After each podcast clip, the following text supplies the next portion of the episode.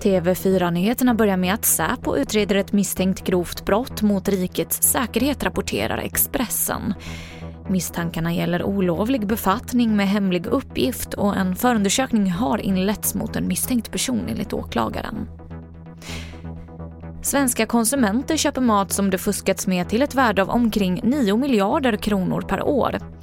Livsmedelsverket vill nu att kommunernas inspektörer ska bli bättre på att upptäcka fusket. Konsekvensen är ju att konsumenter ytterst köper saker för storleksordningen 9 miljarder per år eh, och får saker som de, de, får, de får inte det som de betalar för helt enkelt.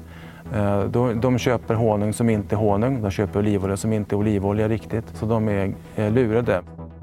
Det sa Jan Sjögren som är avdelningschef på Livsmedelsverket. Till sist så varnar amerikanska vädermyndigheten NOAA för en geomagnetisk storm som kan drabba jorden nu i helgen efter en stor soleruption tidigare i veckan.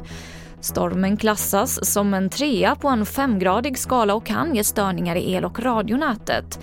Däremot kan extra mycket norrsken ses i Nordamerika men också i stora delar av Europa den här helgen och även i hela Sverige. Men då krävs förstås att vädret tillåter detta. Och fler nyheter hittar du i vår app TV4 Nyheterna. I studion Emily Olsson.